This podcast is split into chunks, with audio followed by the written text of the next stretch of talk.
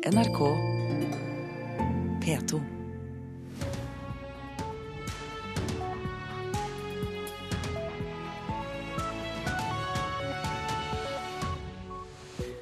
Øystein Heggen tar deg gjennom Nyhetsmorgen i dag, tirsdag 12. mai. Dette er hovedsaker 6.30. En båt med flere hundre flyktninger fra Myanmar og Bangladesh er tauet ut av indonesisk farvann av et marinefartøy. Kommunene får mellom 6 og 7 milliarder kroner mer i overføringer fra staten neste år. Statens vegvesen tror E6 forbi rasstedet i Sørkjosen i Troms kan bli åpnet i dag. Med en mobiltelefon og satellittsignaler kan du unngå migrene. Og vi skal også høre at reklame i dataspill har økt kraftig. Hvis du ser klesplagg du liker, er det mulig å klikke på det og kjøpe det direkte fra spillet.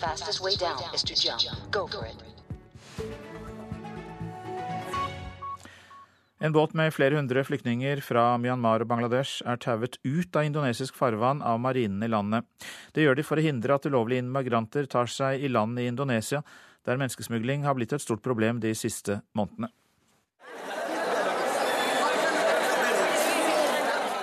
En gymsal er fullpakka med mennesker som sitter på gulvet. De sitter på turnmatter og spiser spagetti fra en plastikktallerken. Mennesker tilhører det forfølgde rohingya-folket som har flykta fra Myanmar.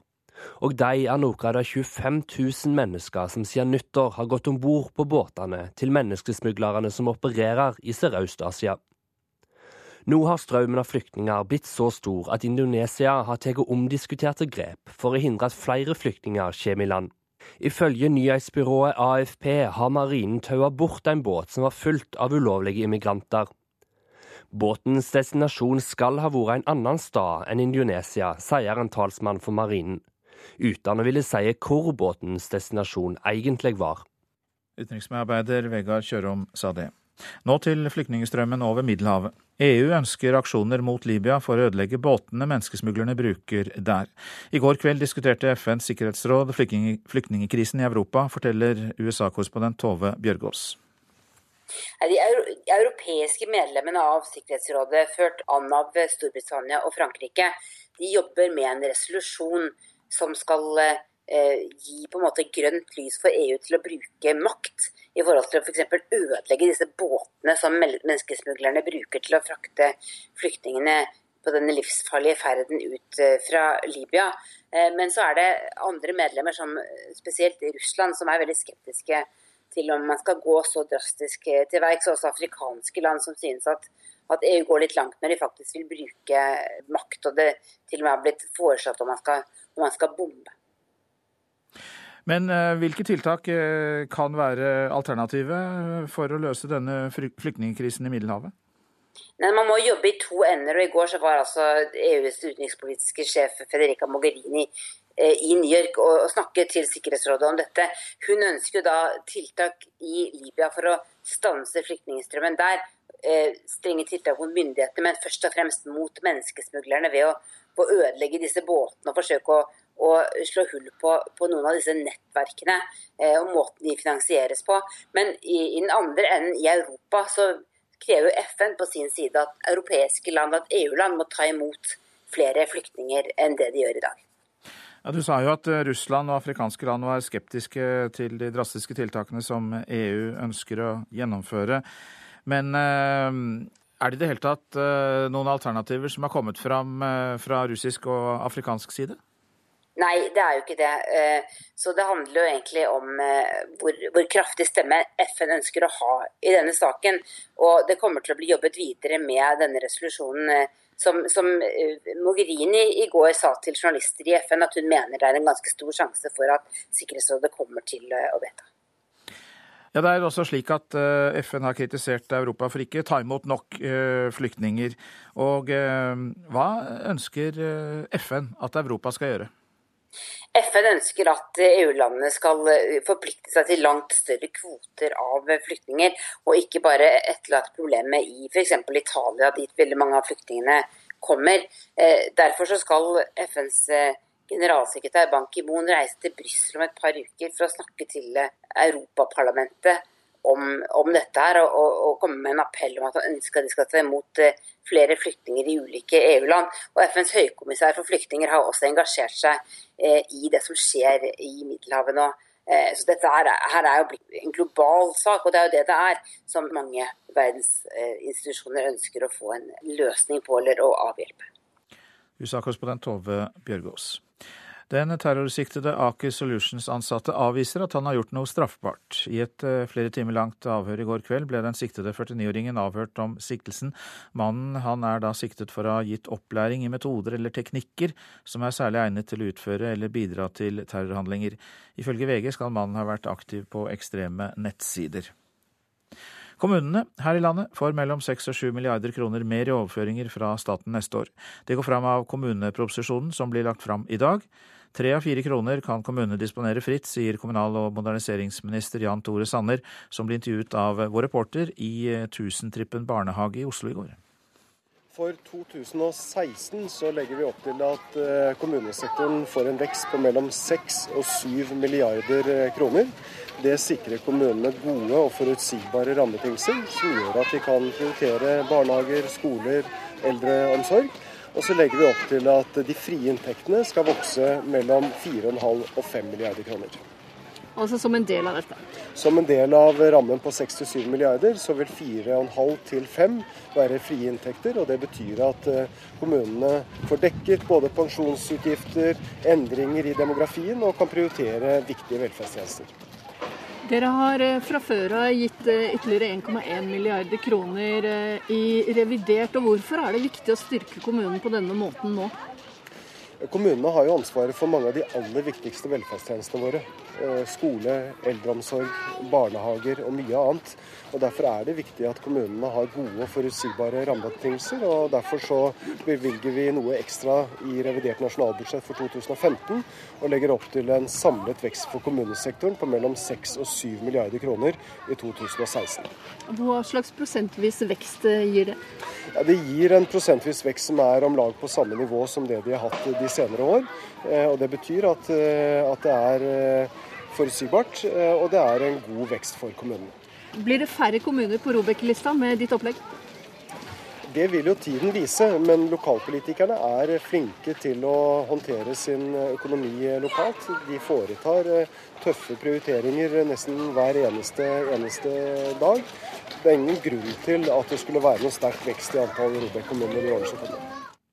Ja, Kommunal- og moderniseringsminister Jan Tore Sanner intervjuet av Hedvig Bjørgum. Og eh, mer om eh, revidert nasjonalbudsjett etter klokka sju. Og eh, finansminister Siv Jensen kommer til Politisk kvarter kvart på åtte.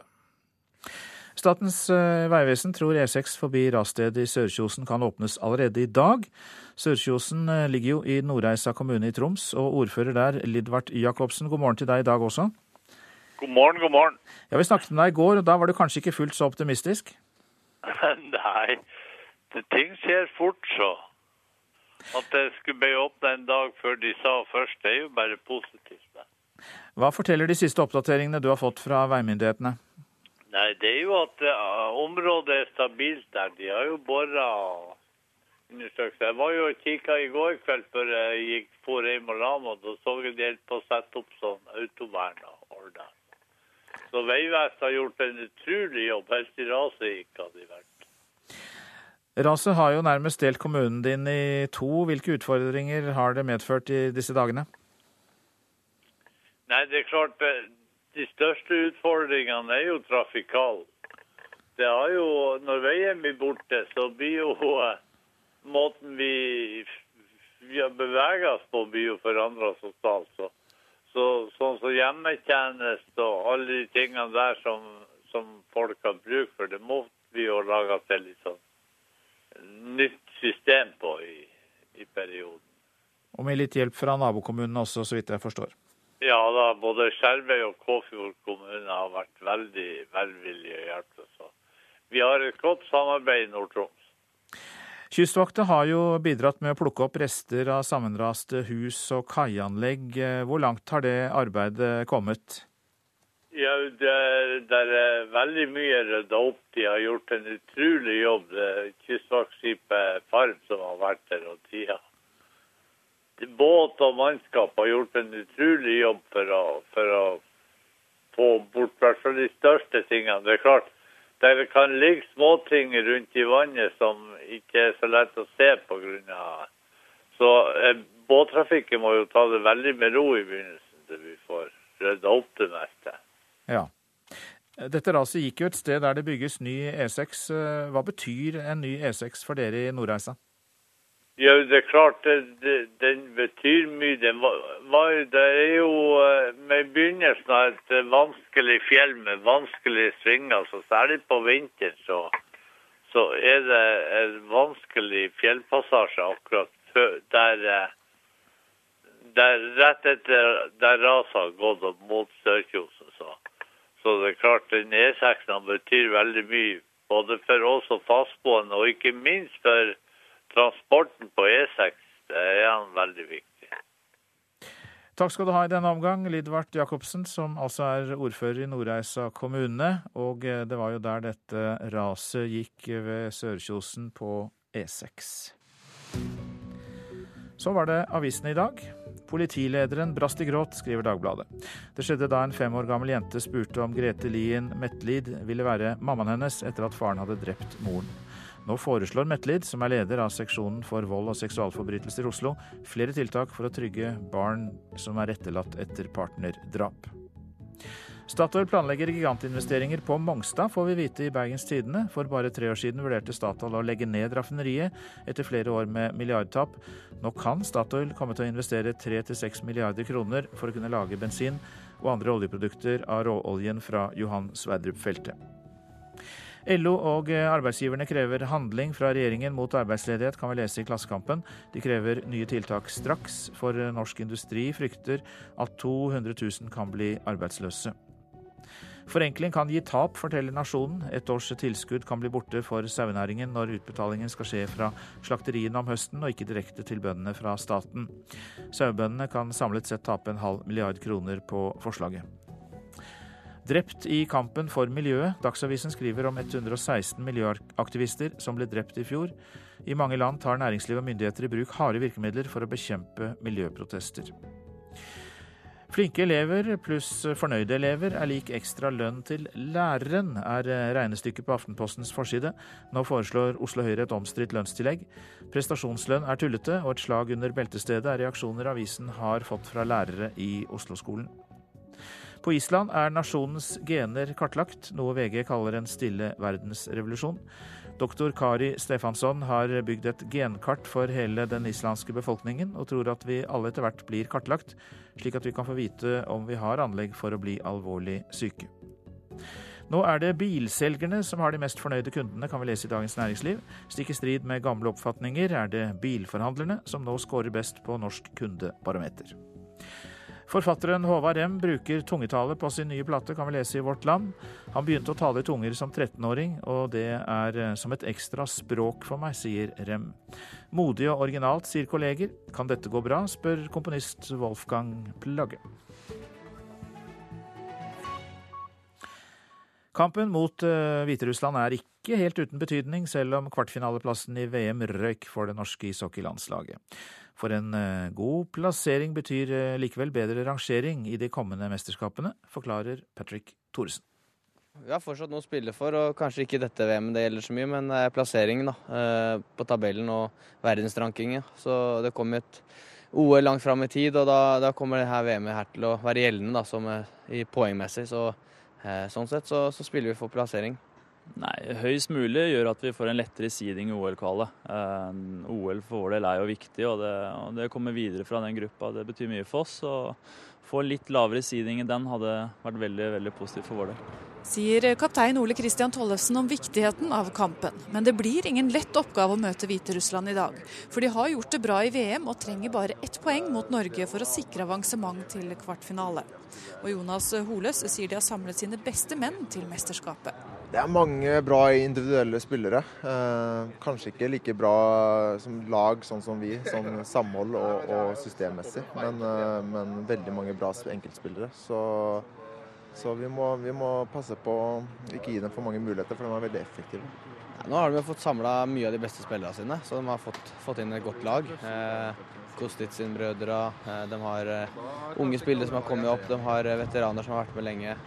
Gutter som har spilt KL-hockey i flere år. Så det er et godt lag de har, og det er derfor de har gjort et såpass godt mesterskap så langt. Så ja, et godt lag, rett og slett. Men Patrick Thoresen tror likevel det er mulig. Ja, det syns jeg absolutt. Vi har jo spilt gode, mot, gode matcher mot, mot, mot, gode lag tidligere, og vi slo jo Slovakia, som jeg anses kanskje å være enda bedre enn en Hviterussland. Reporter her var Marianne Kvamme Amangual. Klokka den passerte nettopp kvart på sju. Dette er hovedsaker i Nyhetsmorgen. En båt med flere hundre flyktninger fra Myanmar og Bangladesh er tauet ut av indonesisk farvann av et marinefartøy. Kommunene får mellom 6 og 7 milliarder kroner mer i overføringer fra staten neste år. Russland og afrikanske land kritiserer EUs forslag om militære angrep på menneskesmuglere, og FNs generalsekretær vil at Europa skal ta imot flere flyktninger. Og Statens vegvesen tror at E6 forbi rasstedet i Sørkjosen i Troms kan bli åpnet i dag. Russlands president Vladimir Putin skal trolig ha samtaler med USAs utenriksminister John Kerry i Sotsji i dag, melder nyhetsbyrået AFP. De to har ikke møttes etter utbruddet av krigen i Ukraina, en konflikt som førte til et svært anstrengt forhold mellom Russland og USA. Det amerikanske utenriksdepartementet bekrefter at Kerry skal møte Russlands utenriksminister Sergej Lavrov, men et møte med Putin er ennå ikke bekreftet. Regjeringen i USA har gitt grønt lys til å la oljeselskapet Shell bore etter olje i havområdet vest og nord for Alaska, ifølge New York, uh, New York Times. Oljeindustrien har i flere år forsøkt å få åpnet havområdene for oljevirksomhet, siden det antas at det kan være store olje- og gassforekomster der. Avgjørelsen ses som et nederlag for miljøbevegelsen, som eh, bl.a. har pekt på farene med oljeboring i svært krevende arktiske farvann. Et maleri av Pablo Picasso er blitt solgt i New York for 179 millioner dollar, eller over 1,3 milliarder kroner. Maleriet er dermed det dyreste som noensinne er solgt på en kunstauksjon. Verket Le Femme d'Alger ble solgt av auksjonshuset Christies. Edvard Munchs Skrik ble solgt for 120 millioner dollar i 2012, som var rekord den gangen. Ti år etter at vi så eh, interaktiv reklame komme i dataspill, så har dette markedet økt kraftig. Omsetningen fra den type reklame er doblet de siste fem årene. Det er eh, enklere å treffe flere målgrupper gjennom dataspill, mener eh, eksperter. Det har jo skutt i været. Ingen tvil om det. Det er nå en veldig viktig del av finansieringsmodellen til mange spill, altså spesielt gratisspillene. For ti år siden var Jørgen Taraldsen med og satte fart på reklamens inntog i dataspill da han jobba med Funcom-spillet Anarchy Online. Ti år etter er reklame viktigere enn noen gang for Taraldsen, som i dag er daglig leder i spillselskapet Megapop. For oss er det en stor del av inntekten hver dag, og skifter ut og jobber veldig mye med det.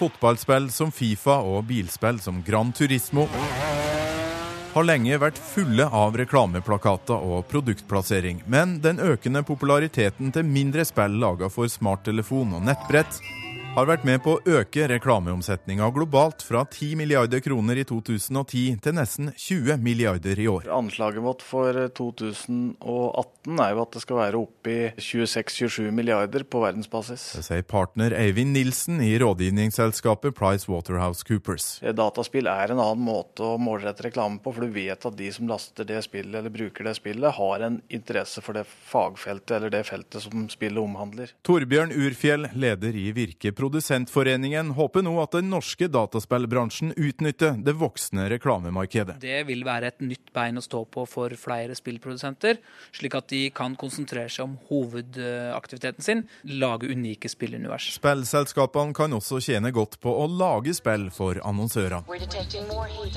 Og siste skudd på stammen er et skytespill som fullt og helt er laga for å reklamere for Bjørn Borg-klær. Med en såkalt kissgun kan du vandre rundt rundt å kle av folk i spillet First Person Lover. Hvis du ser klesplagg du liker, er det mulig å klikke på det og kjøpe det direkte fra spillet. Ja, det har jo spridits veldig mye, både via YouTube og Twitter. PR-sjef i Bjørn Borg, Pernilla Johansson, kaller kampanjen en suksess, ikke bare fordi rundt én million mennesker globalt har spilt spillet, men også fordi flere millioner har sett spillet bli omtalt av kjente anmeldere på YouTube. Reklamespillet har altså fått folk til å snakke, dele og lage TV-innslag på YouTube, og den oppmerksomheten er verdt mye penger, sier bransjeveteran Jørgen Taraldsen. Det jeg tror selskapene i større grad forsøker å få til, er jo en, en mental connection til produktet som varer mer enn bare et klikk. Bjørn Borg. Right, yeah! Denne reportasjen var laget av Torkil Torsvik. I går annonserte TV-selskapet Fox at neste sesong av Idol i USA blir den siste. Den 15. sesongen starter på amerikanske skjermer i januar neste år. Men mens Fox legger ned sin store suksess, lover TV 2 å satse på nye sesonger i Norge. The winner of American Idol 2002 is Kelly Clarkson. Kelly Clarkson fra Texas vant den første sesongen av amerikanske Idol i 2002. Og med det var verdenssuksessen sikra, ikke minst for Idol, som blir kalla den største TV-suksessen i verden i det 21. århundret.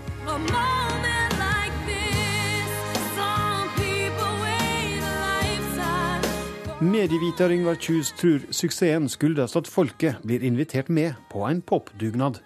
Det er eh, den landsdekkende kampanjen for å finne fram til det ene talentet.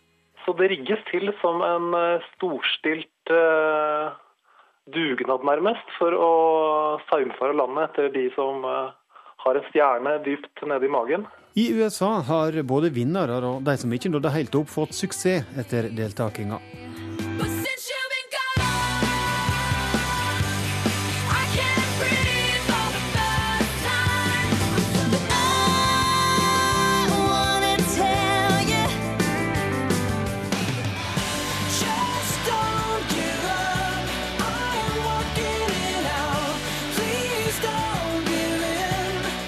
Presseansvarlig Bjarne Låstad i TV 2 har vært med siden første norske Idol-sesongen i 2003.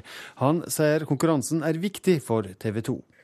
Idol har jo for TV 2 vært et av de aller største og viktigste underholdningsprogrammene siden 2003.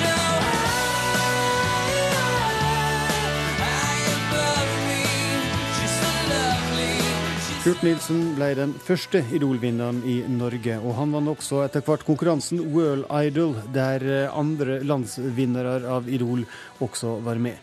Programmet har gjennom åtte sesonger levert såpass gode seertall til TV 2 at de vil holde fram så lenge det er publikum og deltakere nok. Vi har i hvert fall ingen planer om å, om å slutte med, med, Idol med det første. Det er klart det avhenger av interesse og, og, og tilfang av deltakere. Så, så, eh, jeg tror at så lenge, så lenge det er tilfang på, på gode talenter og, og interessen for uh, musikk og, og, det å følge, følge, noen på den reisen med å oppfylle drømmen sin, så, så, vil, vi, så vil vi se Idol uh, igjen.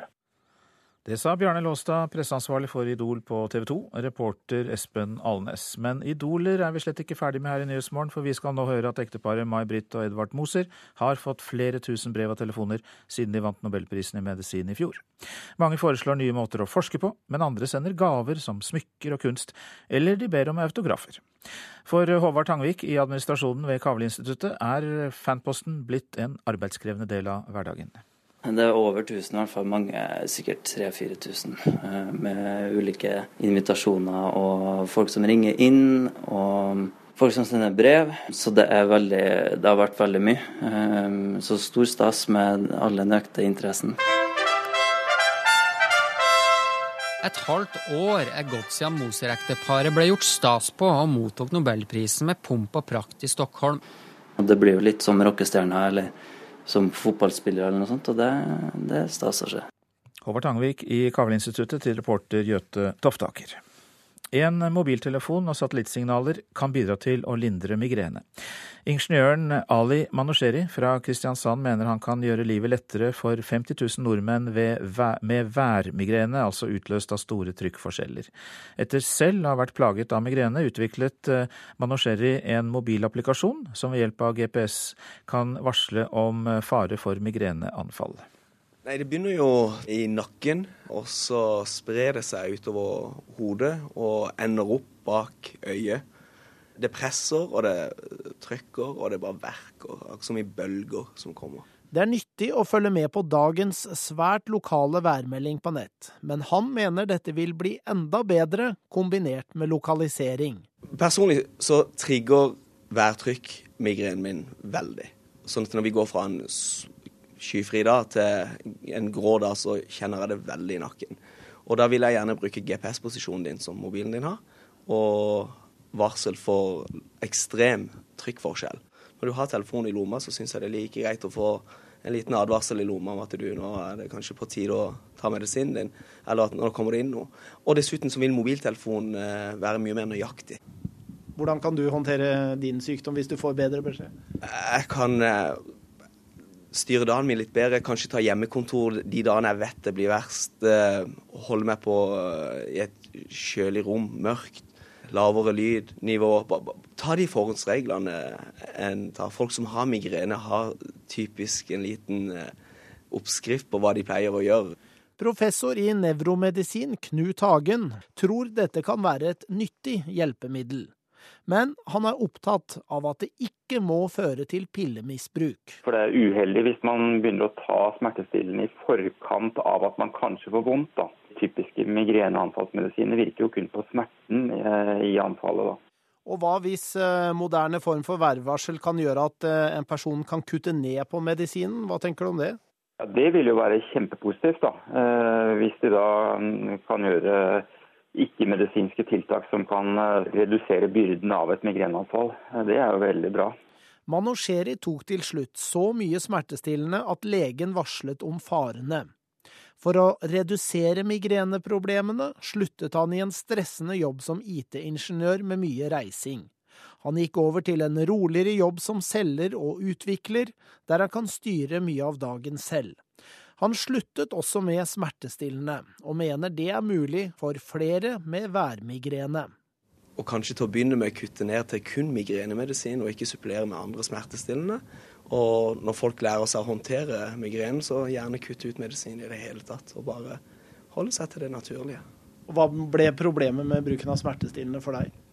Kortere lunte eh, av Du føler du er avhengig. Du Nei, det, det, er ikke bra. Og så leser du rett og slett om alt det eh, negative han gjør i tillegg. Magesår, ødelegger nerver og nyrer og det ene og det andre. Jeg bare liker det ikke. Jeg vet ikke hva jeg får i meg.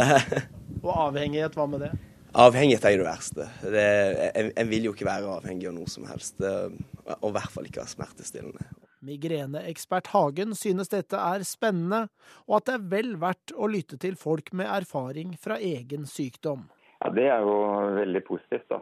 Eh, mange av de viktigste eh, medisinske nyvinningene har jo egentlig kommet fra personer som eh, har hatt annen kompetanse enn kanskje det rent medisinske, men som har sett mulighetene fordi de, de kanskje plages med en sykdom sjøl, og dermed er i stand til å kombinere teknologi på en utmerket måte. Da. Det er supert med sånne innspill. Og denne reportasjen fikk Nyhetsmorgen fra reporter Thomas Sommerseth. Nå skal vi ta for oss værvarselet. Østafjells og fjell i Sør-Norge først. Enkelte regnbyger blir det, kan hende med torden. Morgentåke. I kveld blir det liten kuling på kysten. Vestlandet der er det en kort melding. Regnbyger, men utrygt for torden også der. Trøndelag enkelte regnbyger og uh, torden. Helgeland, Saltfjellet og uh, Sørsalten, der blir det enkelte regnbyger. Så går vi til Nordsalten, Ofoten, Lofoten og Vesterålen. I vest perioder med liten kuling. Det blir enkelte regnbyger, men også litt sol. Troms får enkelte regnbyger. Finnmark utpå dagen litt regn i øst, ellers stort sett oppholdsvær. Nordensjøland på Spitsbergen oppholdsvær og til dels pent vær. Så tar vi temperaturene, og disse ble målt klokka fem i dag morges. Svalbard lufthavn minus seks, Kirkenes pluss fem, Vardø sju, Alta seks, Tromsø-Langnes fire, Bodø sju, Brønnøysund åtte, Trondheim-Værnes sju. Molde, Bergen og Stavanger alle hadde ni grader klokka fem i natt. Kristiansand, Kjevik og Gardermoen åtte grader. Lillehammer har vi ikke fått inn, men vi har Røros med fire grader og Oslo-Blindern med åtte grader.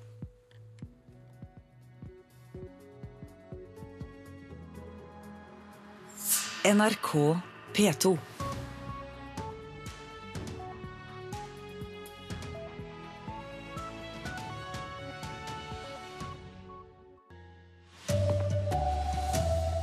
EU vil gå hardere til verks mot menneskesmuglerne i Middelhavet, men møter motstand i FN.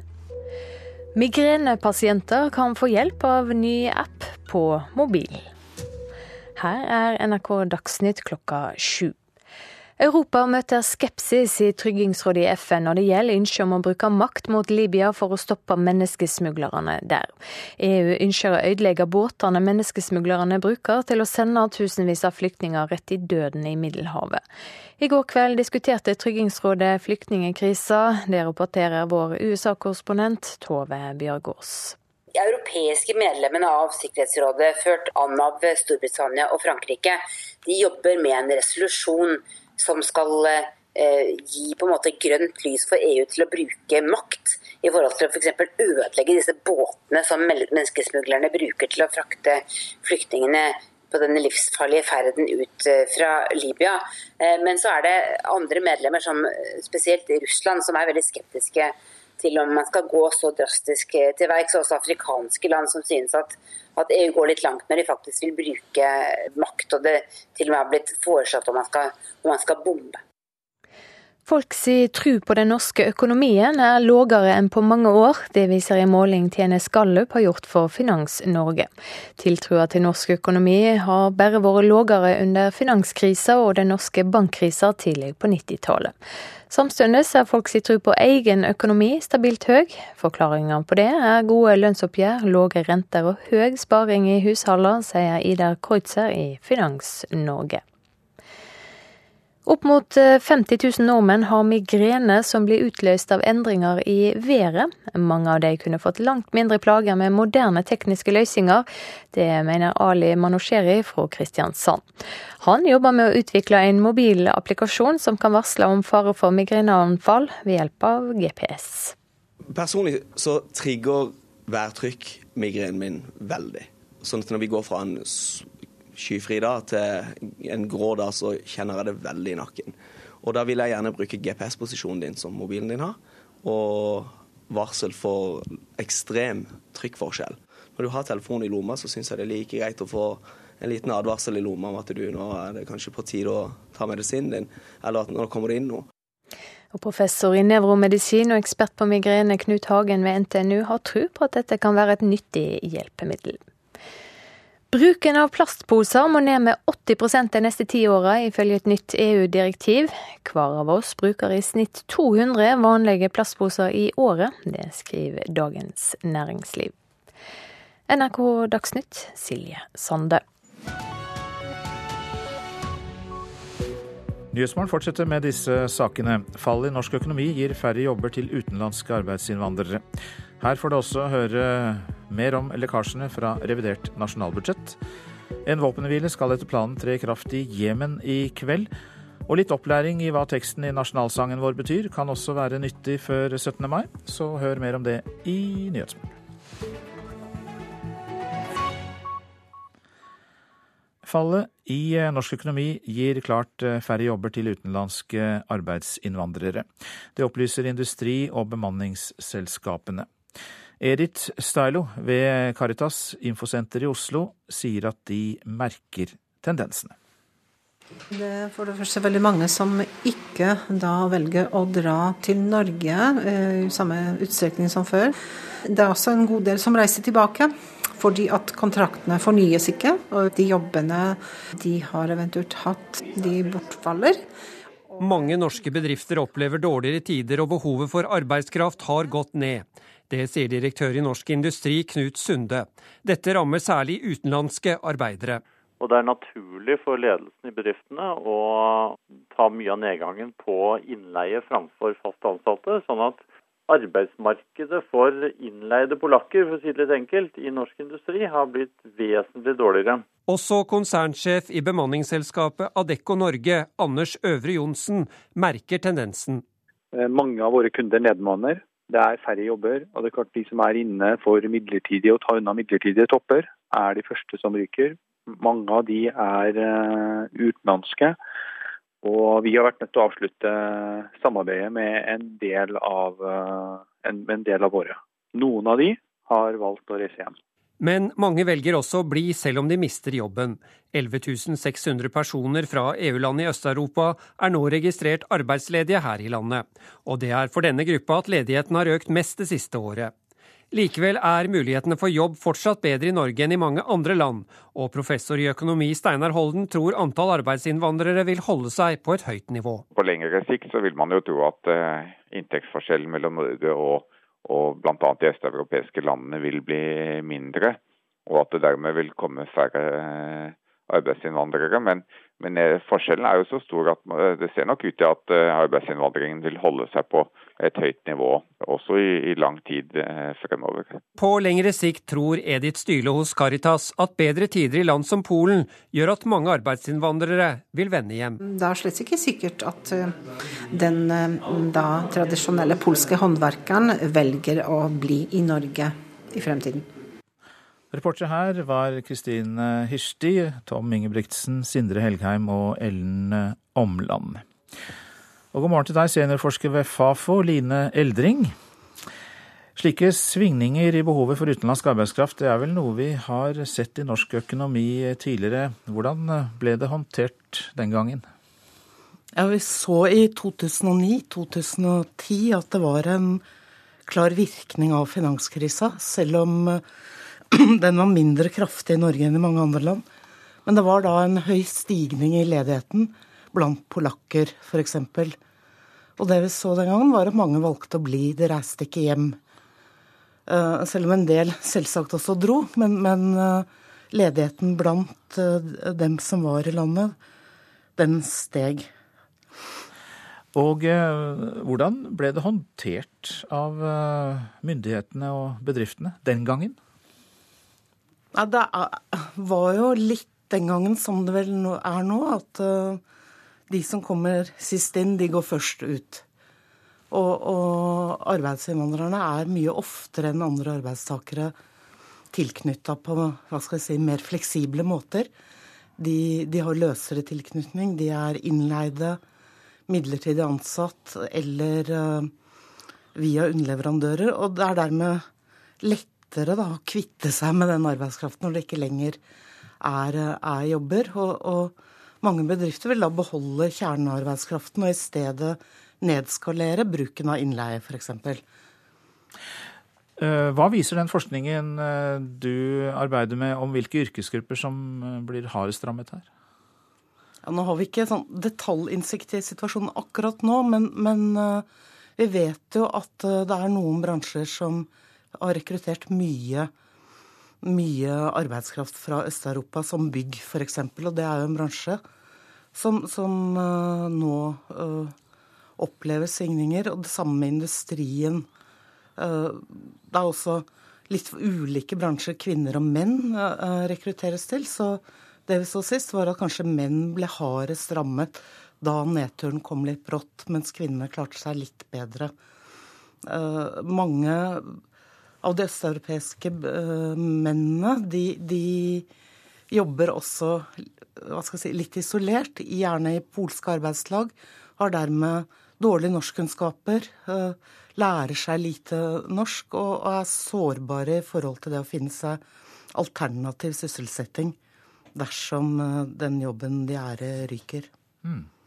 Og så har vi jo sikkert også da grupper som jobber svart. Har dere noe forskning som viste hva som skjedde med dem forrige gang dette inntrådte?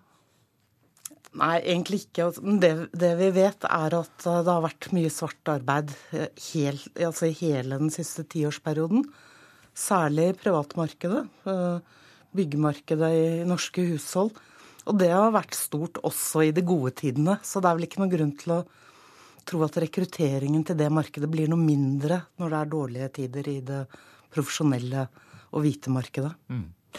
Hvilken beredskap trengs eh, i samfunnet for å ta imot eh, disse nye arbeidsledige som vi nærmest eh, vet kommer nå? Ja, altså det er jo sånn at noe, en del reiser hjem, en del har tilknytninger som er så løse at det er naturlig å ikke bli. Men mange har jo etablert seg, og på samme måte som nordmenn så vil det ikke være Det første du gjør, er ikke å å flytte den dagen du mister jobben. Du vil prøve å finne alternativer. Og da er det jo viktig at eh, Nav, på samme måte som i forhold til andre arbeidsledige, eh, kan bidra med relevant støtte, tiltak eh, for å kvalifisere for nytt arbeid. Mange takk skal du ha, Line Eldring, som altså er seniorforsker ved Fafo. Så har vi nettopp fått inn en melding om at Sigve Brekke er utnevnt til ny konsernsjef i Telenor etter Jon Fredrik Baksås. Brekke har fram til nå vært Telenors Asia-direktør. Brekke blir presentert som ny toppsjef på en pressekonferanse i formiddag. Og eh, det blir eh, mer om dette senere. I dag legger finansminister Siv Jensen fram revidert nasjonalbudsjett. Kommune-Norge opplever milliardsvikt i skatteinntekter, og regjeringen vil gi 1,1 milliarder ekstra til kommunene, slik NRK også da fortalte i går. Men her er noe mer om eh, lekkasjer fra revidert nasjonalbudsjett. Det er jo sånn at De økonomiske utsiktene har endret seg. Eh, og For denne regjeringen er det viktig å ha god Eh, velferdsutvikling i kommunene. De har ansvar for mange viktige oppgaver i samfunnet.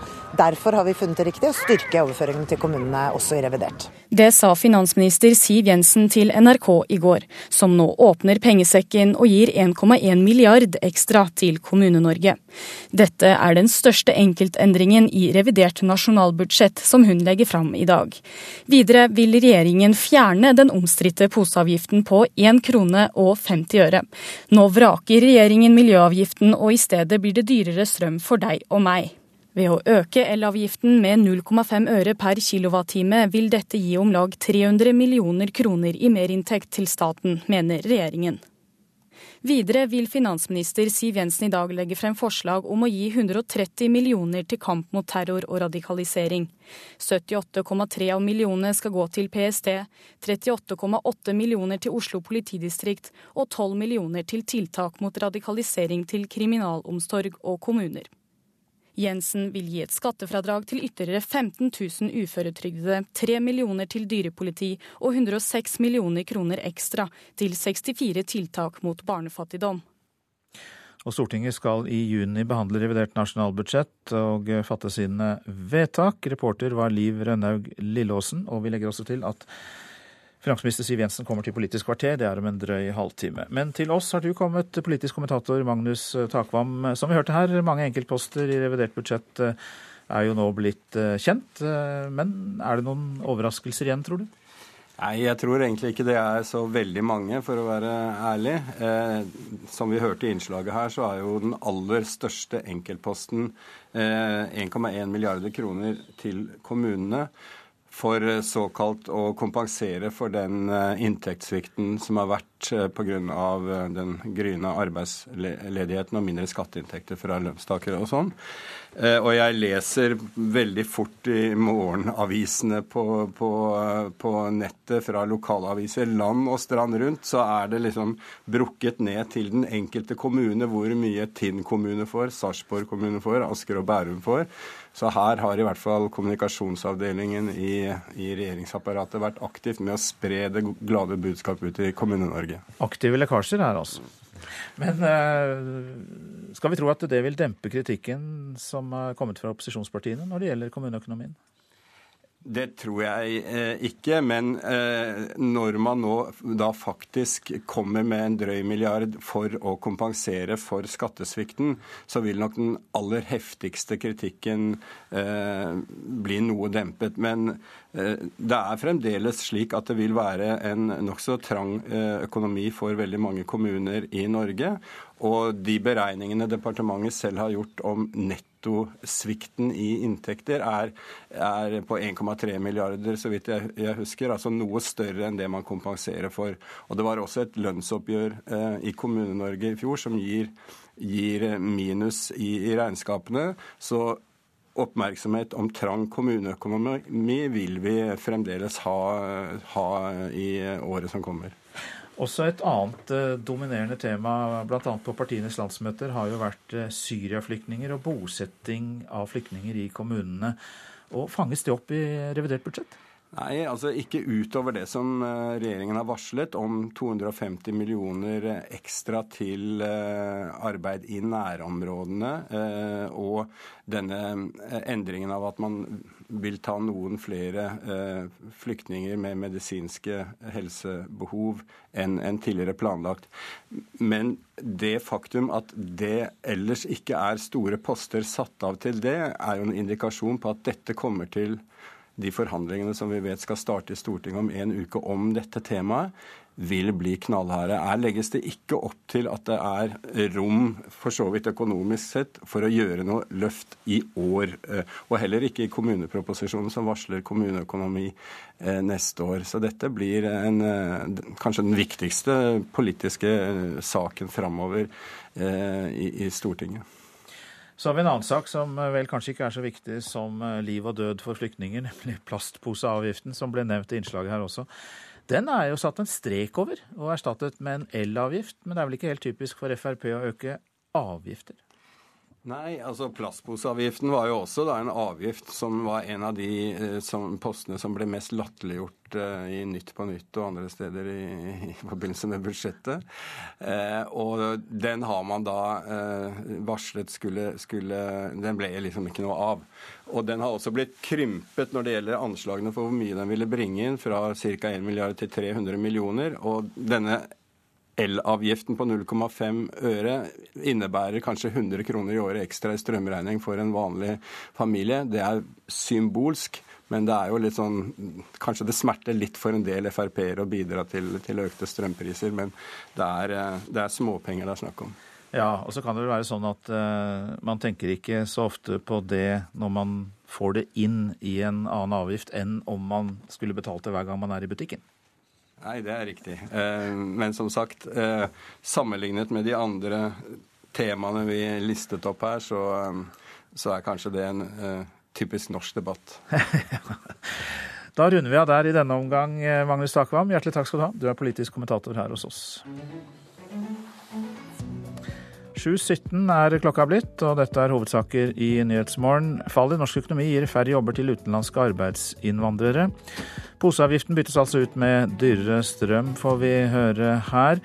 130 millioner mot terror og radikalisering, og skattefradrag til ytterligere 15 000 uføretrygdede er også deler av revidert nasjonalbudsjett. Og En båt med flere hundre flyktninger fra Myanmar og Bangladesh er tauet ut av indonesisk farvann av et eh, marinefartøy. I kveld er det planen at en våpenhvile skal tre i kraft i Jemen. Det er jo det borgerkrigsherjede landet helt sørvest på den arabiske halvøy.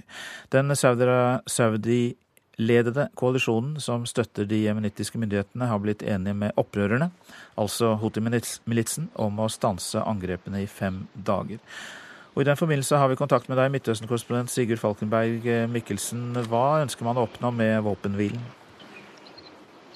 Det er først og fremst et desperat behov for en våpenhvile, og det gjøres jo etter sigende av humanitære grunner. Det er allerede svært vanskelig. Bombingen av Jemen har pågått siden 26.3, og det kan bli katastrofalt om dette får fortsette. Ifølge FN er det hundretusenvis av mennesker som sitter fast fysisk pga. kampene, men det er altså svært mange andre som rammes pga. dette. Jemen er et av verdens fattigste land. 24 millioner innbyggere, har svært få ressurser selv og er avhengig av matimport, som nå hindres pga. krigføringen og eh, koalisjonsblokaden av Jemen. Det er også særlig behov for drivstoff. Det brukes til å frakte det som finnes av mat igjen i landet rundt. og også like viktig, holder de vannpumpene i liv. Eh, sånn at eh, det er desperat behov for å få inn helt, helt basisting inn til Jemen nå. og Det er derfor de har blitt enige om denne våpenhvilen. Men det har jo vært eh, forsøkt eh, med våpenhviler tidligere. Tror du man har en større sjanse til å lykkes denne gangen? Det er vanskelig å si. Eh, det er en meget uoversiktlig situasjon i Jemen. og Begge partene har i hvert fall offentlig sagt seg villig til å gjennomføre en slik eh, våpenhvile. Eh, men Saudi-Arabia sier f.eks. at dette betinger at houthiene, altså disse styrkene som nå kontrollerer store deler av de sentrale områdene av Jemen, ikke benytter våpenhvilen til å skaffe seg militære fordeler, hva nå det enn må bety. Vi har også sett at kampene har tatt til kraftig styrke de siste dagene. og Jemenittiske styrker har skutt ned et marokkansk F-16-fly. Samtidig som det har vært artilleribeskytning mellom partene på grensen mellom Saudi og Jemen. Og denne bombingen som har foregått de siste dagene, har også gått hardt utover sivilbefolkningen. Det har skjedd i Sana, men også kanskje enda mer i områdene som Houthi-opprørerne opprinnelig kommer fra, Sada-provinsen. Den har jo nå den saudi-ledede koalisjonen erklært som et militært mål etter disse artilleribeskytningene inn i Saudi-Arabia. Sånn at det er en meget vanskelig situasjon, særlig for sivilbefolkningen. Så må vi legge til at denne våpenhvilen bare skal vare i fem dager etter planen. Fins det i det hele tatt noe håp om en mer langvarig våpenhvile, for ikke snakke om eh, fredsavtale? Det er ingen som er uh, veldig håpefulle. Uh, det avhenger i første omgang av hvordan denne våpenhvilen går, om det er noe som går an å bygge videre på. Så kommer det an på det bredere bildet her, uh, nemlig denne konflikten som går mellom Saudi-Arabia og Gulflandene og Iran på den andre siden, som Jemen nå har blitt en del av. Og så er det også slik at eh, det er lokalt eh, teknisk eh, vanskelig. Det er liten kontakt, virker det som på meg, mellom Houthiene og internasjonale instanser. Den forrige FN-mekleren hadde ganske god kontakt inn mot Houthiene. Han er blitt avsatt. Noen sier det skjedde pga. saudi-arabisk press, fordi de mente han sto dem for nær. Og det er heller ikke slik at Houthiene har noe godt rykte på seg for å overholde avtalen. Og så er Al Qaida også svært aktive i Rim. Så det er et meget sammensatt og komplisert bilde, dette her. Takk skal du ha, Sigurd Falkenberg Mikkelsen. Du er altså vår Midtøsten-korrespondent. Nå til kysten utenfor Indonesia. Der har marinen tauet bort en båt med flyktninger. Og det gjør de for å hindre at flyktningene tar seg i land i Indonesia, der menneskesmugling fra Myanmar og Bangladesh har blitt et stort problem de siste månedene.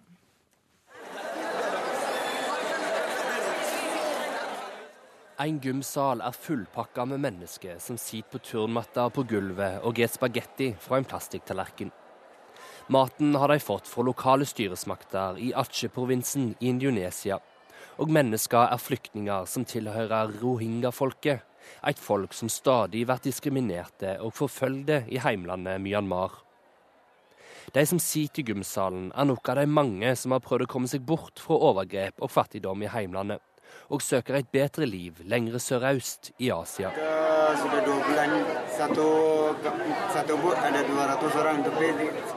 Mohammed Juned forteller at han var på sjøen i to måneder før han kom seg i land i Indonesia.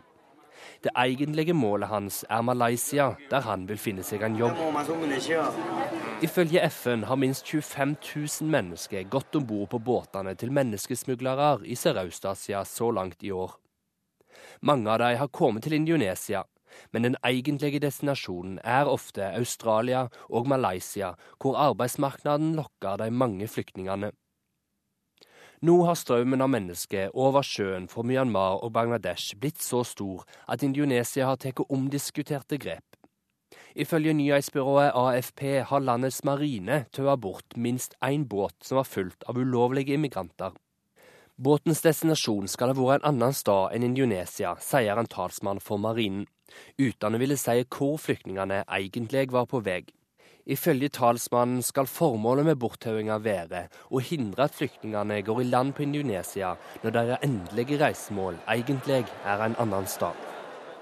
Reporter Vegard Kjørom. Så til eh, avisene. Politilederen brast i gråt, skriver Dagbladet. Det skjedde da en fem år gammel jente spurte om Grete Lien Metlid ville være mammaen hennes, etter at faren hadde drept moren.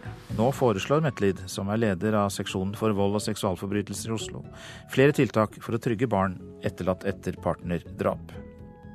Statoil planlegger gigantinvestering på Mongstad, får vi vite i Bergens Tidende. For bare tre år siden vurderte Statoil å legge ned raffineriet etter flere år med milliardtap.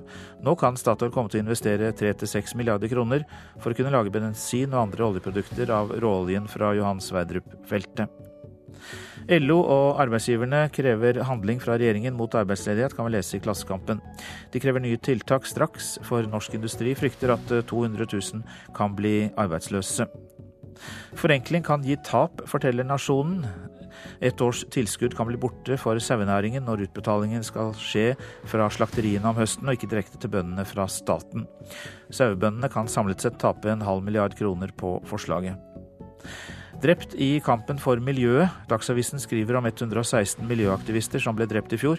I mange land tar næringsliv og myndigheter i bruk harde virkemidler for å bekjempe miljøprotester. Flinke elever pluss fornøyde elever er lik ekstra lønn til læreren, er regnestykket på Aftenpostens forside. Nå foreslår Oslo Høyre et omstridt lønnstillegg. Prestasjonslønn er tullete og et slag under beltestedet. Det er reaksjoner avisen har hentet inn fra lærere i Oslo-skolen.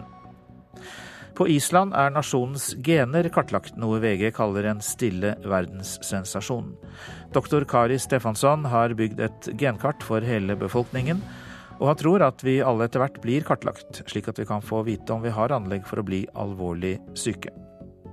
Nå er det bilselgerne som har de mest fornøyde kundene, kan vi lese i Dagens Næringsliv. Stikk i strid med gamle oppfatninger er det bilforhandlerne som nå scorer best på Norsk kundebarometer. Forfatteren Håvard Rem bruker tungetale på sin nye plate, kan vi lese i Vårt Land. Han begynte å tale i tunger som 13-åring, og eh, det er som et ekstra språk, sier Rem. Modig og originalt, sier kolleger. Kan dette gå bra, spør komponist Wolfgang Plagg. Furet værbitt over vannet med de tusen hjem. Den saganatt som senker drømme på vår jord. Ja, det er jo bruddstykker vi har pugget fra nasjonalsangen. Men folk vi har snakket med, forteller at uh, ja, vi elsker, uh, selv om den betyr mye for dem, så innrømmer de at de ikke helt forstår hva ordene betyr. Ja, vi elsker dette landet som det stiger frem, furet værbitt over vannet med de tusen hjem. Elsker, elsker det å tenke på far og mor, og den saga natt som senkt. drømmer på vår jord, og så videre. Så verst. Hva betyr furet værbitt over vannet med de tusen hjem? Nei, Det betyr vel at vi bor i et land hvor det er litt tøffe, tøffe geografiske forhold og, og vær, hardt vær. Hva betyr over vannet, da? Over vannet? Kanskje at det er høye fjell og høye daler. Furet værbitt over vannet. Ja, det er et tøft land. Det er et tøft land. Furet, det er, det er fjell og natur og over vannet, ja. Dette landet Harald bjerget med sin kjemperad.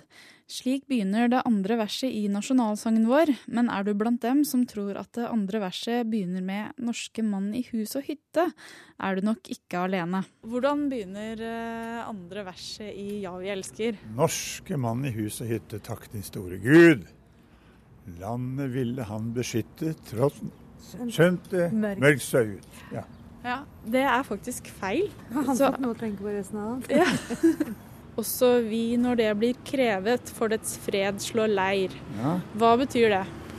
Da er det rolig. Nei.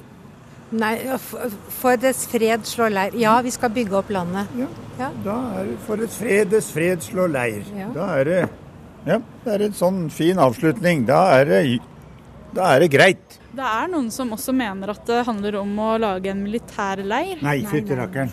Det er ingenting med det. Dets fred, dets fred slår leir. Du vet, Når mødrene har grett og de har kjempet, kan du skjønne, da slutter det med ikke sant, at det er dets fred, dets fred slår leir. Da er det ro. Men hva tenker dere om teksten ellers da, i nasjonalsangen? Er den uh, utdatert, eller? Uh... Veldig flott. Unnskyld. Jeg syns den er flott. Den er pompøs. Det er den jo, men den er, den er en flott tekst. Og så er vi glad i den fordi det er sangen vår. Ja.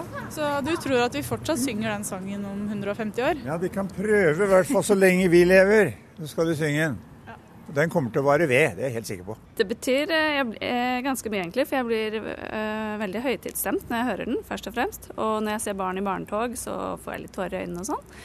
Men øh, vi har bodd mye utenlands, og da begynner jeg å gråte hver gang jeg hører den. For det gir meg litt sånn hjemlengsel og da tenker jeg på alt det pene med Norge, da, særlig i mai. Ja, det var eh, Karin Grønn Matshus som hadde samlet eh, disse synspunktene på nasjonalsangen. Du lytter til Nyhetsmorgen, produsent i dag Kari Bekken Larsen, her i studio Øystein Heggen. Wisconsin-senatoren som gikk til krig mot fagforeningene, kan bli presidentkandidat for republikanerne i USA. Det kan du høre mer om i reportasjen etter Dagsnytt. Og I Politisk kvarter er finansminister Siv Jensen gjest. Temaet er jo revidert nasjonalbudsjett.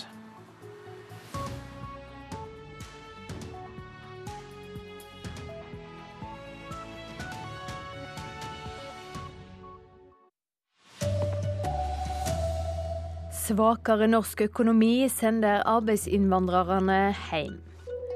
Flere hundre båtflyktninger er tøa ut av indonesisk farvann. Og det ble en ny prisrekord på kunstauksjon i natt. Et Picasso-verk er solgt for 1,3 milliarder kroner. God morgen, her er NRK Dagsnytt klokka 7.30. Fallet i norsk økonomi råker de utenlandske arbeidsinnvandrerne. Det forteller både industrien og bemanningsselskaper. Edith Stylo ved Caritas Infosenter i Oslo sier de også merker tendensen. Det er for det første veldig mange som ikke da velger å dra til Norge eh, i samme utstrekning som før. Det er også en god del som reiser tilbake fordi at kontraktene fornyes ikke. Og de jobbene de har eventuelt hatt, de bortfaller. Mange norske bedrifter opplever dårligere tider, og behovet for arbeidskraft har gått ned. Det sier direktør i Norsk Industri, Knut Sunde. Dette rammer særlig utenlandske arbeidere. Og Det er naturlig for ledelsen i bedriftene å ta mye av nedgangen på innleie framfor fast ansatte, sånn at arbeidsmarkedet for innleide polakker for å si det litt enkelt, i norsk industri har blitt vesentlig dårligere. Også konsernsjef i bemanningsselskapet Adecco Norge, Anders Øvre Johnsen, merker tendensen. Eh, mange av våre kunder nedmanner. Det er færre jobber. og det er klart De som er inne for midlertidige og ta unna midlertidige topper, er de første som ryker. Mange av de er uh, utenlandske. Og vi har vært nødt til å avslutte samarbeidet med en del av, eh, en, en del av våre. Noen av de har valgt å reise hjem. Men mange velger å bli selv om de mister jobben. 11 600 personer fra EU-land i Øst-Europa er nå registrert arbeidsledige her i landet. Og det er i denne gruppa at ledigheten har økt mest det siste året. Edith Stylo hos Caritas tror bedre tider i land som Polen gjør at mange arbeidsinnvandrere etter hvert vil vende hjem. Det er slett ikke sikkert at eh, den eh, da, tradisjonelle polske håndverkeren velger å bli i Norge i fremtiden. Reportasjen var laga av Kristine Hirsti og Tom Ingebrigtsen. Og de som kommer sist inn, forsvinner ofte først ut. Det sier Fafo-forsker Line Eldring. Og, og arbeidsinnvandrerne er mye oftere enn andre arbeidstakere tilknytta på hva skal jeg si, mer fleksible måter. De, de har løsere tilknytning. De er innleide, midlertidig ansatt eller uh, via underleverandører. Og det er dermed lettere da, å kvitte seg med den arbeidskraften når det ikke lenger er, er jobber. Og, og mange bedrifter vil da beholde kjernearbeidskraften og i stedet nedskalere bruken av innleie, f.eks. Utenfor kysten av Indonesia er en båt med flere hundre flyktninger fra Myanmar og Bangladesh taua ut på havet. Marinen vil hindre at ulovlige immigranter tar seg i land i Indonesia. Svært mange flyktninger fra Myanmar og Bangladesh har kommet til Indonesia de siste månedene. En gymsal er fullpakka med mennesker som sitter på gulvet og spiser spagetti fra en plasttallerken. De er flyktninger fra Myanmar som pga. sin etnisitet ble forfølgde i heimlandet, og nå søker et bedre liv lengre sør.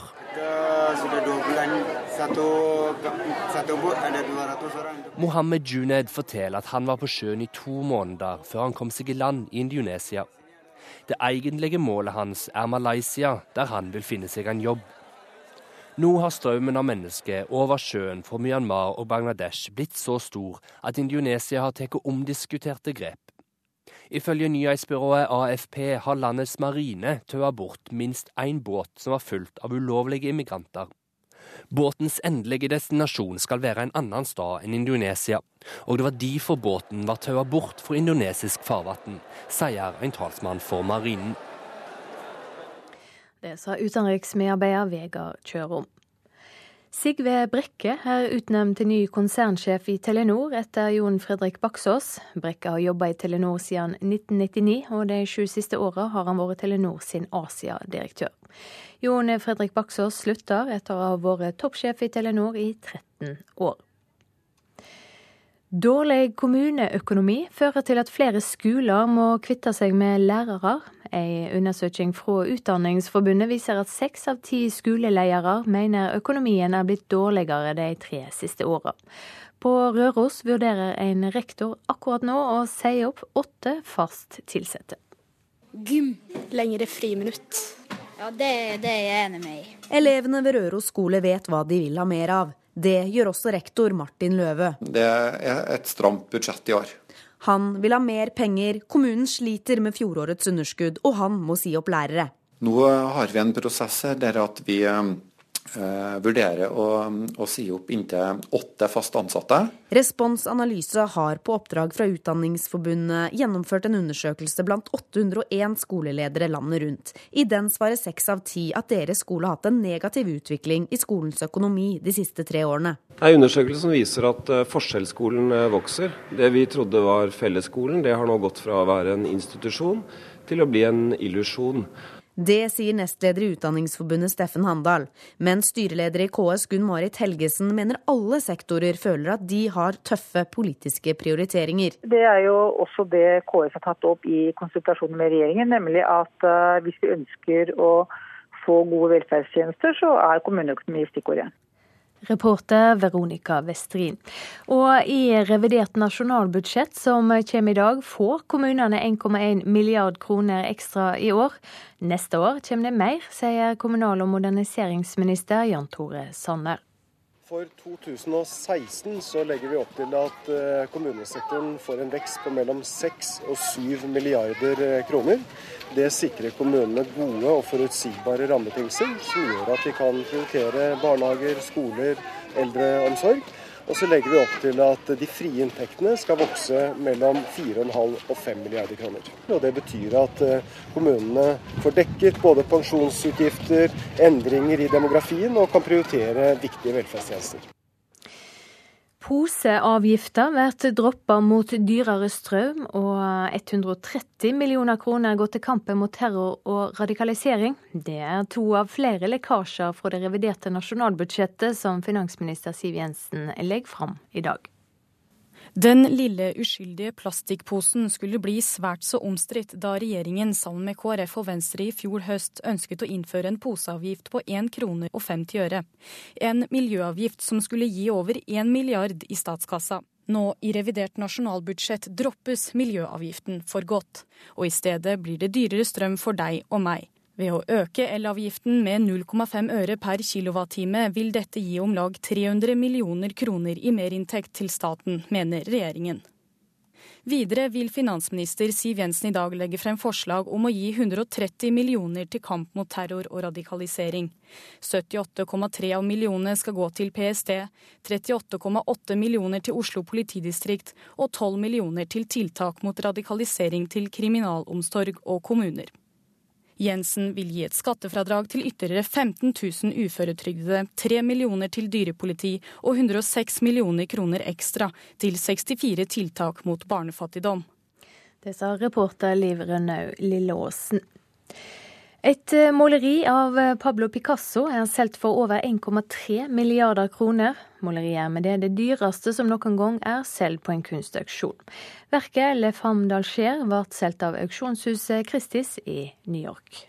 At Christie's, $160 million. Brett, it's yours. Sold. Slik hørtes det ut da verdens til nå dyreste maleri som er solgt på en kunstaksjon noensinne, ble solgt i New York mandag morgen lokal tid. Den ukjente kjøperen bød 160 millioner dollar, og når man legger sammen kommisjonssummen til aksjonshuset Christies, blir den totale summen svimlende 179 millioner dollar. Det tilsvarer drøyt 1,3 milliarder norske kroner. Man er overveldet, vil jeg si, men nok ikke overrasket.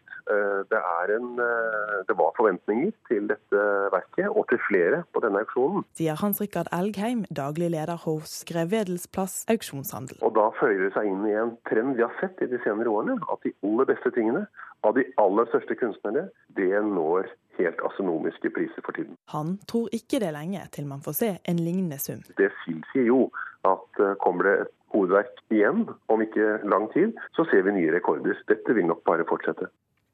Det sa Hans Rikard Elgheim ved Grev Wedels plass auksjonshandel til reporter Ingvild Fjelltveit. Ansvarlig for eh, Dagsnytt eh, denne morgenen, Sven Gullvåg. Teknisk ansvarlig, Hanne Lunås. Her i studio, Silje Sande.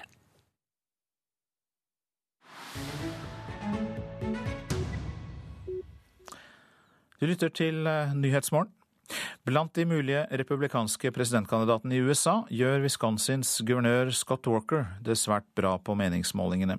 Han ble berømt da han gikk til krig mot de offentlig ansattes fagforeninger. USA-korrespondent Tove Bjørgaas har mer. I have to have a second job.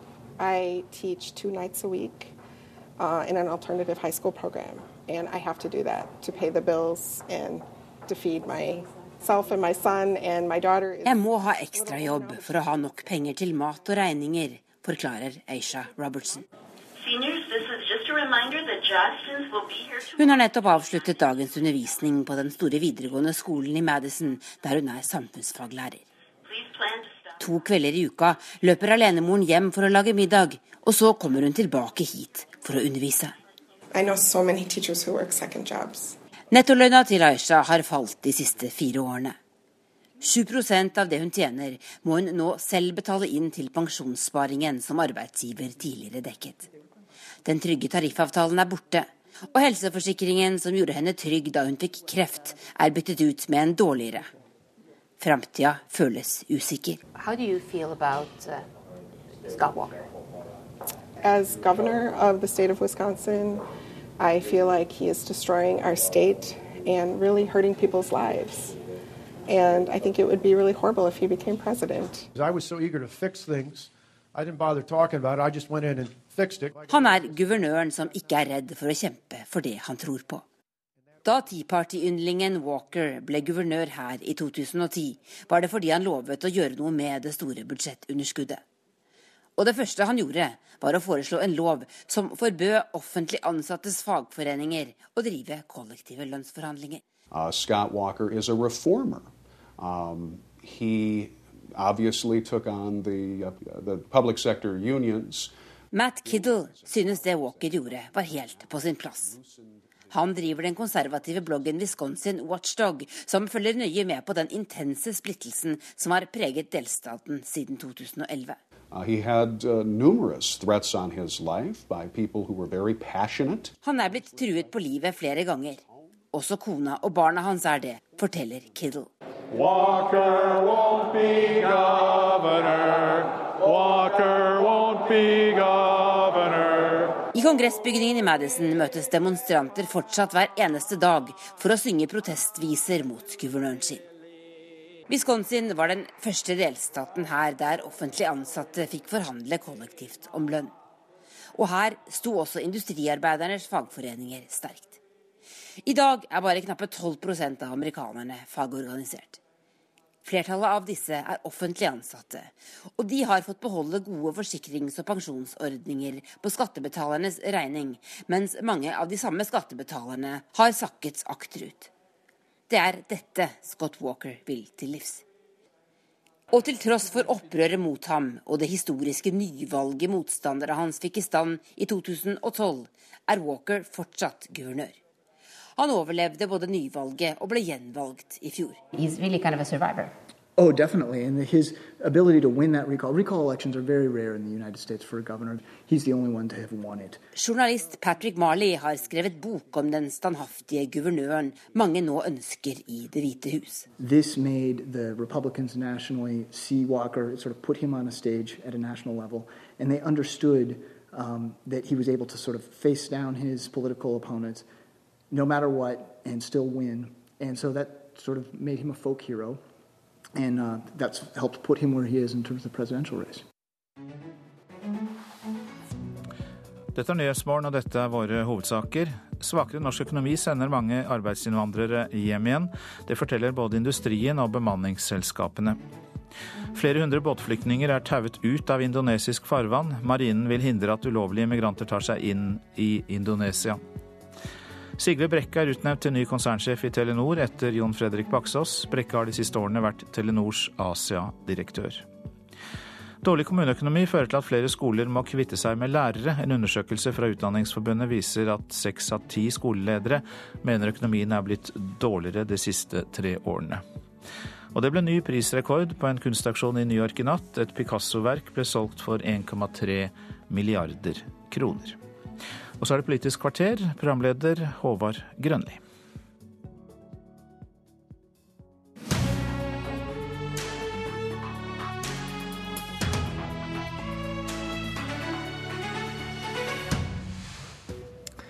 Kommunene har masa, og finansministeren gir etter. Hun gir mer til kommunene. Er det å forandre et prinsipp? Velkommen hit, finansminister Siv Jensen. I formiddag legger du fram revidert nasjonalbudsjett for 2015. Det viktigste temaet i oppkjøringa til revidert budsjett har vært kommunenes uro over sviktende skatteinngang. Ønsker og kravene har vært tydelig uttalte. I går valgte du å fortelle i Dagsrevyen at det kommer 1,1 milliard til kommunene i dag. Hvorfor skal kommunene få 1,1 milliard mer i revidert budsjett? Som kommunalminister Jan Tore Sanner og jeg varslet i går, så er det en samlet vurdering som ligger bak vårt ønske om å styrke kommuneøkonomien ytterligere med 1,1 milliarder kroner. Det handler jo om at kommunene har ansvar for noen helt grunnleggende velferdsoppgaver i vårt samfunn. Eldreomsorg, eh, skole, barnehager. Eh, så er det faktorer for kommunenes samlede økonomi som trekker litt ulik, ulik retning. Eh, noe skyldes fallende skatteinntekter. Andre ting trekker i positiv retning. Men samlet sett så vil 1,1 milliarder kroner gi kommunene den veksten i 15-budsjettet som vi forutsatte da vi la frem budsjettet i høst. Er dette da en kompensasjon for fallende skatteinntekter? Dette er et, eh, en styrking samlet sett av eh, kommuneøkonomien. Og 1,1 milliarder kroner er ganske mye penger, eh, som jeg regner med kommer godt med. Men så vil det jo også være sånn at du vil alltid finne ordførere der ute som gjerne vil ha mer. Men dette gir en solid kommuneøkonomi også i det neste halvåret. Men jeg spør fordi jeg registrerer at dere er litt forsiktige med å bruke kompensasjonsordet. Vil du advare mot å oppfatte det som kompensasjon for skattesvikt? Vi erkjenner at det har vært fallende skatteinntekter for kommunene i eh, den siste tiden. Men det har også vært ting som har trukket i motsatt retning, som har vært positiv. Blant annet eh, så har jo lønnsanslagene gått noe ned. Så det er jo en helhetlig vurdering eh, som ligger bak vår, vår, vår ønske og vilje om å styrke kommuneøkonomien nå med 1,1 milliard kroner. Men jeg er jo helt sikker på at dette kommer godt med i kommunene. Det gjør det sikkert. Men hva mener du om argumentet at en, en tar ikke fra kommunene økte skatteinntekter i gode år, og bør dermed ikke kompensere heller, er et argument som er blitt uh, brukt i denne diskusjonen. Hva mener du om det argumentet? Det er jo i utgangspunktet et prinsipp som har vært fulgt eh, av vekslende regjeringer og storting over flere år. Men samtidig har det også vært gjort unntak fra det. Eh, og vi er av den oppfatning at det var riktig og nødvendig på dette tidspunktet å styrke kommuneøkonomien. og Derfor har vi etter en helhetsvurdering valgt å gi 1,1 milliarder kroner i revidert budsjett. Er det som skjer nå et slikt unntak som du eh, viser til, da? Nei, Dette er en helhetlig vurdering av de utfordringene kommunene står overfor. Og jeg har lyst til å understreke eh, denne regjeringens iver etter å satse på bedre oppvekstvilkår for barn, og ikke minst en styrking av eldreomsorgen. Det koster penger. Eh, og da er det viktig at vi har en god kommuneøkonomi i bunn. Regjeringa har eh, summert denne skattesvikten til 1,3 milliard, mens dere da gir 1,1. Er det viktig for deg å vise at du ikke gir alt dette? Det som er viktig for regjeringen, er at vi samlet sett sørger for en god og solid kommuneøkonomi, slik at kommunene er i stand til å gjøre eh, den viktige jobben de har med å forvalte velferdsoppgaver. Eh, det har vi gjort i de årlige budsjettene, og det følger vi nå også opp i revidert budsjett. Eh, dette vil være kjærkomment, eh, og det vil være mulig for mange kommuner å gi bedre velferd til innbyggerne sine. Det store politiske temaet i denne våren har vært om en skal motta flere syriske flyktninger.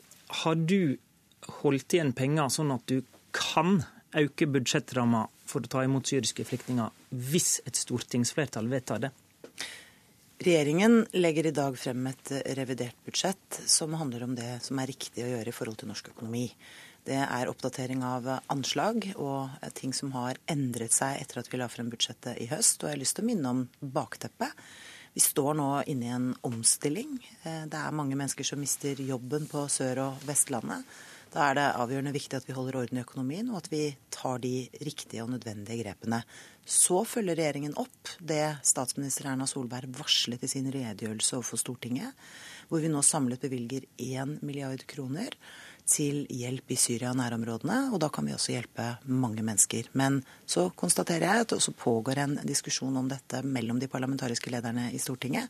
Men vi har nå først og fremst laget et revidert budsjett basert på hva vi mener er rett for norsk økonomi. Men mener du det finnes rom for å øke utgiftene til mottak av flyktninger i revidert, eller ikke? Nå er det slik at Min rolle som finansminister handler om å ivareta helheten i norsk økonomi og de utfordringene vi står overfor. Og jeg minner da igjen om det faktum at vi nå ser en økende ledighet i deler av landet. Mange mennesker opplever uro som følge av at de mister jobben. Da er den fremste og viktigste oppgaven for regjeringen å legge til rette for vekst, verdiskaping og nye muligheter i andre deler av norsk næringsliv. Vi det, ser det, det er langt viktigere enn det jeg spør om her. Vi ser noen lyspunkter nå i eh, norsk eh, konkurranseutsatt industri og næringsliv. Det er veldig bra. Men vi visste at olje- og gassrelatert næringsliv kom til å bli noe mindre, at farten kom til å avta. Da må vi svare. Og det, de fremste kravene som er kommet fra partene i arbeidslivet, er to ting. Det ene er at vi reverserer innstrammingen i permitteringsreglene. Det har regjeringen varslet at vi gjør i revidert. Og det andre er at vi styrker antall plasser innenfor arbeidsmarkedstiltakene, og det gjør vi også. Er det god Frp-politikk å øke elavgifta? Det er god Fremskrittspartipolitikk å sørge for at vi samlet sett får et eh, lavest mulig skatte- og avgiftstrykk i Norge. Og jeg har lyst til å minne programlederen om at siden denne regjeringen tiltrådte, har vi redusert eh, skatter og avgifter med over 12,5 milliard kroner. Mm. Det kommer forbrukerne til gode, og det kommer eh, næringslivet til gode. Og ikke minst et av de viktigste verktøyene vi har når vi nå skal omstille økonomien. Det å stimulere til nye investeringer er noe av det viktigste vi gjør, og et av de fremste virkemidlene er skattereduksjoner. Men dere øker altså elavgifta i dag. Er det bedre for folk å få øka den da, enn å måtte betale mer for eh, disse plastposene som nå ser ut til å være parkert? Det jeg er aller mest opptatt av, er at eh, den belastningen som forbrukerne opplever på skatte- og avgiftssiden, blir lavest mulig. Og den blir mindre med elavgift enn med poseavgift. Vi kommer tilbake til detaljene i dette når jeg legger frem budsjettet klokken 11. Hva er det som kommer i dag er hilsinga til de to samarbeidspartiene på Stortinget? Det er eh, sånn at Regjeringen legger frem revidert budsjett basert på det vi mener er rett for norsk økonomi. Men eh, jeg vil nok tro eh, at også Kristelig Folkeparti og Venstre vil finne mange forslag her som trekker i, i retning de er enig i. Hva da? For det første så er vi enige om at vi må møte den omstillingsutfordringen norsk økonomi står overfor. Det handler om eh, at vi må legge til rette for eh, et grønt skift, for at vi kan få nye arbeidsplasser i nye næringer som vi kanskje ikke engang har sett enda. Eh, vi har vært enige om at eh, gode velferdsordninger eh, og en, en, god sosial profil i budsjettene er viktig. og Det er jo derfor regjeringen har varslet at vi nå justerer overgangsreglene i forhold til uføre, uføreordningen. Husk på at det var en ordning som den forrige regjeringen innførte uten overgangsregler. Da vi så skulle implementere den, så så vi at det var en reform som krevde overgangsregler, for ellers ville det oppleves urimelig for altfor mange mennesker. Nå justerer vi den ytterligere. Rett og slett fordi vi mener at det er viktig å gi et håndslag til mennesker som uforskyldt har kommet i en vanskelig situasjon. Takk til deg, eh, Siv Jensen. Vi vender oss til politisk kommentator her i NRK, Magnus eh, Takvam. Den største endringa i revidert budsjett er 1,1 milliard til kommunene. Hvorfor gjør regjeringa det? For uten en slik justering så eh, ville kommunebudsjettene rundt omkring i Norge eh, betydd innstramming på velferdstjenestene mange steder. Eh, og den direkte årsaken er jo naturligvis først og fremst den inntektssvikten som kommer av den gryende arbeidsledigheten med mindre skatteinntekter osv. Så, videre. så uten, uten dette grepet ville det blitt masse bråk i kommunene og dårlige budsjetter. Ja, for eh, Siv Jensen fikk jo den største applausen i sin egen landsmøtetale da hun varsla at det kommer kommunepenger i revidert. Måtte hun svare på kravene fra sine egne ordførere og lokalpolitikere? Selvfølgelig. Eh, en Frp-ordfører eh, har like store problemer med å legge fram innstrammingsbudsjetter som det andre eh, ordførere fra andre partier har. Og I tillegg så er det også, som vi hører Siv Jensen eh, forklare her, viktig for denne regjeringen å framstå som en, som en, regjering som er opptatt av velferd, og velferd skapes i kommunene. Alle husker jo det omdømmetapet som skjedde i fjorårets budsjettbehandling, med kombinasjonen av eh, lavere formuesskatt, eh, økt barnetillegg eh, osv., som, som man nå åpenbart forsøker å reparere.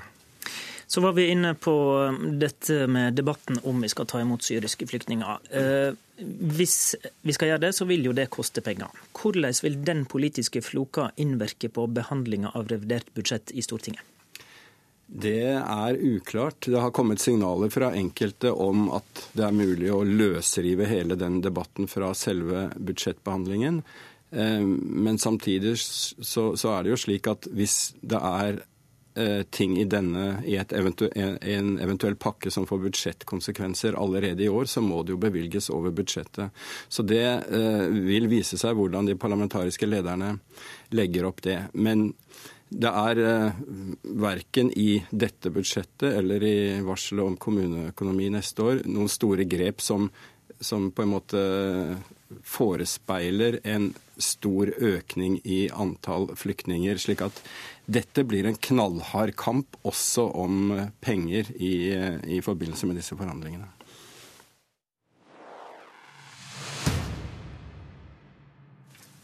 Det er altså en viktig politisk dag her hjemme, men før vi gyver løs på den, skal vi vende blikket litt mot nabolandet. Noe er nemlig i ferd med å skje med svensk innvandringsdebatt. Vi skal høre et lite utdrag fra partilederdebatten på SVT søndag kveld, der den nye lederen i Moderaterna, Anna Kinberg Batra, argumenterer for å stramme inn i retten til permanent opphold i Sverige. Og hun får motstand av Venstrepartiets Jonas Sjøstedt. For även om det er flere utrikesfödda enn någonsin som jobber nå i Sverige så måste fler få inn den här första foten på arbetsmarknaden.